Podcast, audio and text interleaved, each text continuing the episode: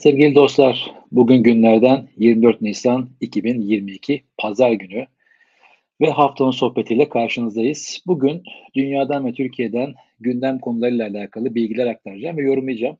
Öncelikle dün biliyorsunuz 23 Nisan Ulusal Egemenlik ve Çocuk Bayramı'ydı. Bütün çocuklarımızın bayramı tekrardan kutlu olsun. Ulu Önder Mustafa Kemal Atatürk'ün çocuklara armağan ettiği dünyadaki ilk ve tek çocuk bayramı. Ee, tabii çocuk deyince aklıma başka şeyler de geliyor. Biliyorsunuz Türkiye'de çocuk işçi denen bir kavram var. Sayıları oldukça fazla. Ve tabii ki beslenme çantası boş olan ve bu yüzden bir süre sonra okullara gidemeyen kardeşlerimiz var. İnşallah çocuk işçilerin olmadığı, beslenme çantaları dolu olup okullara giden çocuklarımızın sayılarının artması dileğiyle diyelim. Bununla alakalı bir kampanya var. E, Tok Tut ile Derin Yoksulluk Ağı yeni bir kampanya başlatmış. E, beslenme çantası boş olan çocuklar çok fazla. Özellikle son ekonomik kriz sonrası bu daha da fazlalaşmış. Aileler çocuklarını okula gönderirken beslenme çantasına bir şey koyamıyorlar. Bir süre sonra da çocukları okula göndermiyorlar. Ve bu ciddi bir rakama ulaştığı için de Toktut'la Derin Yoksulluk Ağı güzel bir kampanya başlatmış ve e, YouTube videomun altında linki vereceğim. Bu link üzerinden bağışta bulunabilirsiniz. Beslenme kutusu askıda adında yanlış hatırlamıyorsam ve buradan da bağışlarınızı yapabilirsiniz. Ben şahsen etkinliklerimde biliyorsunuz sertifikalar bağışlıyorum konuklara. Artık bundan sonra konuklarıma sertifikaları buradan alacağım. Ve aynı zamanda bağış yaparken de onların seslerini duyurmaya çalışacağım. Bunun da altını çizelim. Şimdi efendim biraz dünyadan başlayalım. Ee, Rusya ve Ukrayna maalesef devam ediyor savaş. 60 gün oldu. Ee, yani bugün biter, yarın biter anlaşırlar derken 60 gün oldu. Türkiye'de biliyorsunuz müzakereler oldu, konuşuldu, masada oturdular ama maalesef bir sonuca varılamadı ve e, ürkütücü bir tablo var ortada. Milyonlarca Ukraynalı ülkeyi terk etti. Ülkemize gelenler de var. Hatta çok ilginç. Geçenlerde ben e, bir sanal ofiste çalışıyorum e, Levent'te ve orada Rusları gördüm. Bir sürü Rus var. Hatta çalışan arkadaşlar sordu bunlar ne alaka dedim. Savaş başlamadan önce gelen bir sürü Rus olmuş ülkemize ve bu tip e, iş yapan, dijital dünyada olan özellikle e, Türkiye'ye yerleşmişler. İki sebebi var. Bir tanesi biliyorsunuz banka hesapları donduruldu. Herhalde onlar bu kaosun olacağını ön, önceden öngördüler ve e, farklı ülkelere gittiler. Türkiye'ye gelen çok fazlaymış.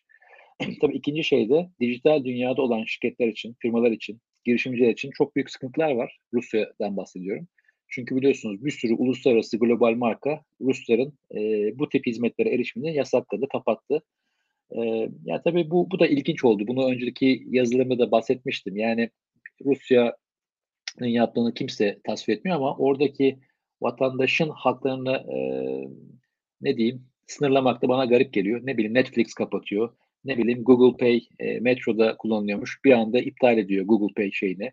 Metroda kuyruklar oluşuyor falan. Yani e, oradaki insanlara da sorsanız Ruslara %99 herhalde bu savaşı tasfiye etmiyordur.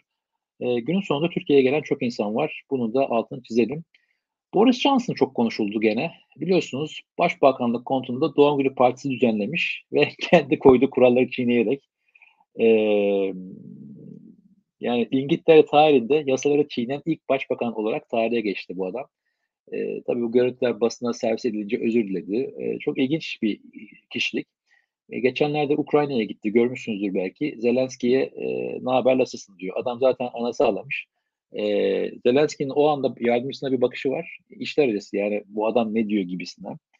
E, geçenlerde bir liderler zirvesi vardı. Herkes önünü yıklemiş. E, yani Grand Tuvalet gelmiş böyle. Adam gömlek bir yerden çıkmış, kravat bir yerde, önü açık, çok ayıp.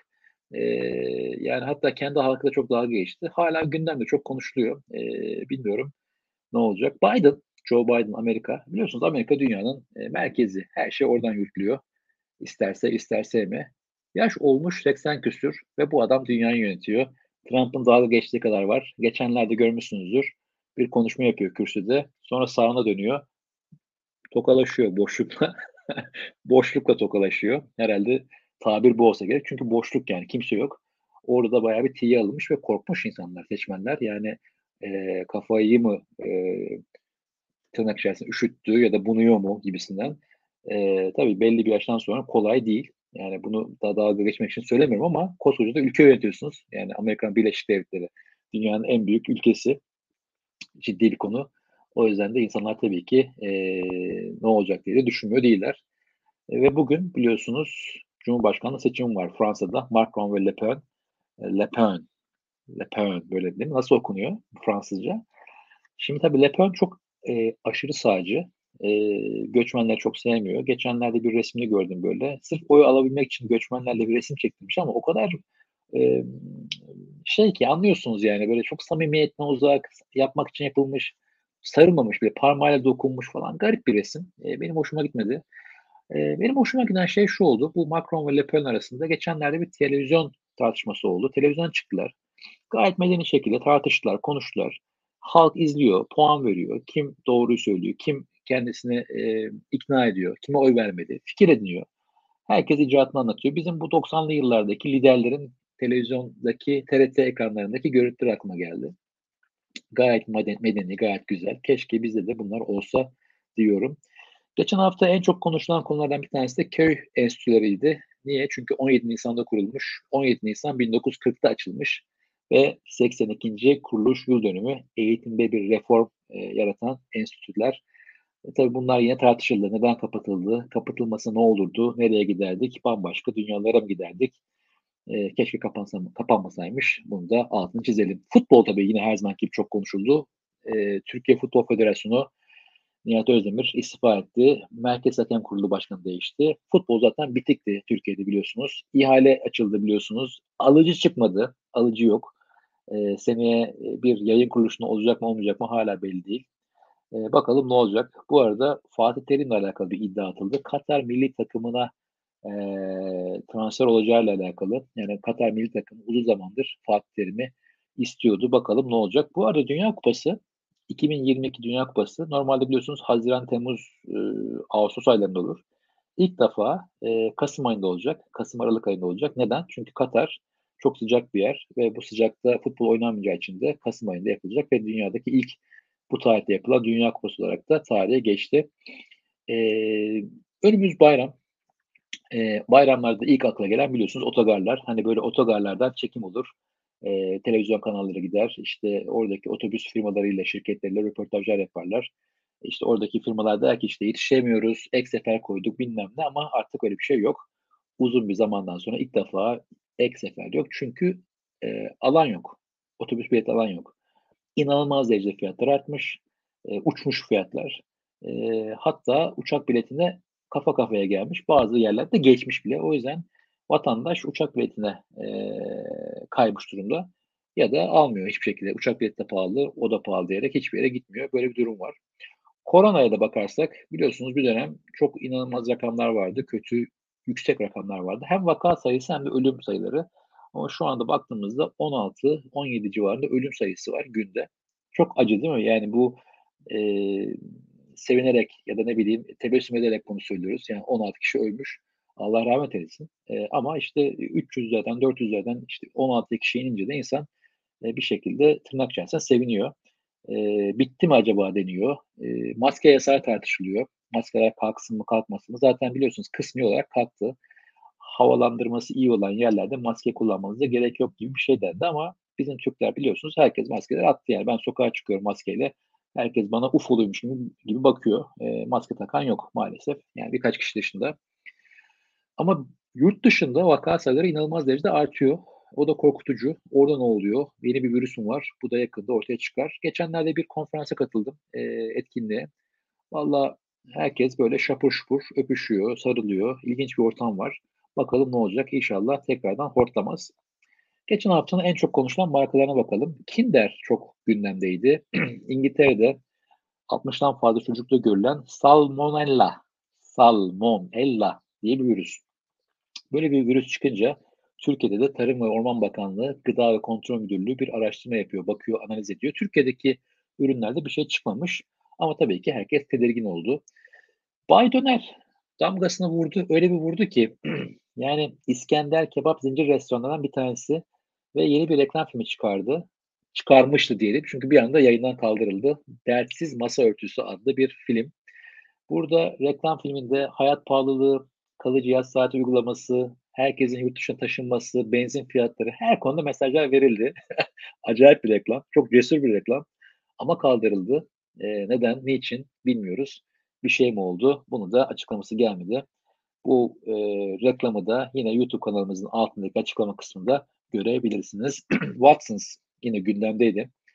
Eee, internette yayınladığı nisan ayı kataloğunda, eee, 2 sayfasına galiba Arapça, eee, yazmış. Arapça sayfalara yer vermiş tanıtım kataloğunda. Bu da bayağı bir, eee, insanların tepkisini aldı. "Burası Arabistan mı? Ne yapıyorsunuz, ne ediyorsunuz?" gibisinden. Hemen kaldırılmış bildiğim kadarıyla. Yine Netflix çok gündemdeydi. Netflix niye gündemdeydi? 2022 ilk çeyrek rakamlar açıklandı. 200.000 kullanıcıyı kaybetmiş. Netflix her çeyrek açıklıyor, eee, rakamlarını. Halka açık bir şirket tabii ki. İlk çeyrekte 200.000 kullanıcı gitmiş.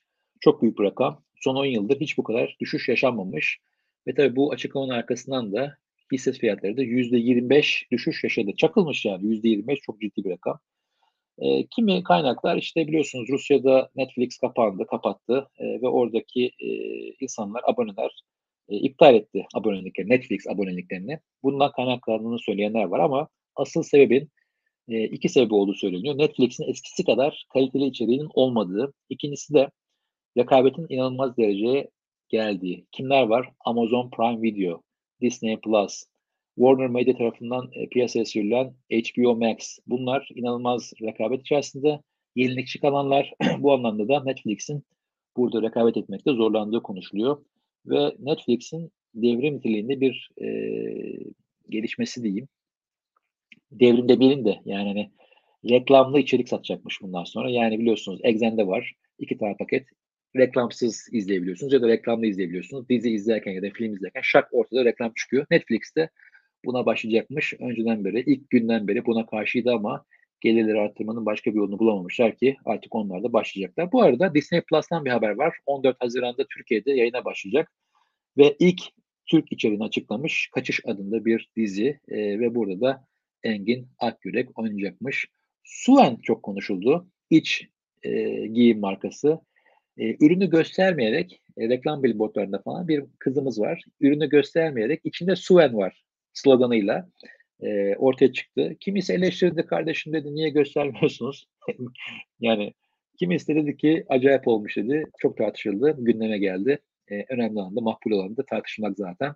Tesco'nun İngiltere'deki reklamları yine çok ses getirdi. Ramazan'da billboardları koymuşlar. Gündüz vakti, eee, tabaklar bomboş. İftar saatinden sonra tabaklar yemekle doluyor. İnanılmaz güzel, inanılmaz güzel bir görseldi. Bu da bayağı bir konuşuldu, ses getirdi. Şimdi efendim biraz teknolojiye bakalım. Getir'den çok büyük bir hamle olmuş. Bence çok büyük bir hamle. Getir İş adında bir hamle. Yeni bir hizmet. Yani Getir uygulaması kullanıyorsunuz, görmüşsünüzdür. İçinde Getir İş diye bir şey çıkmış.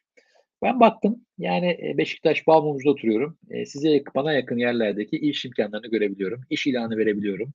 Bayağı da ilanlar var. Eee, baktım şöyle farklı farklı illere de.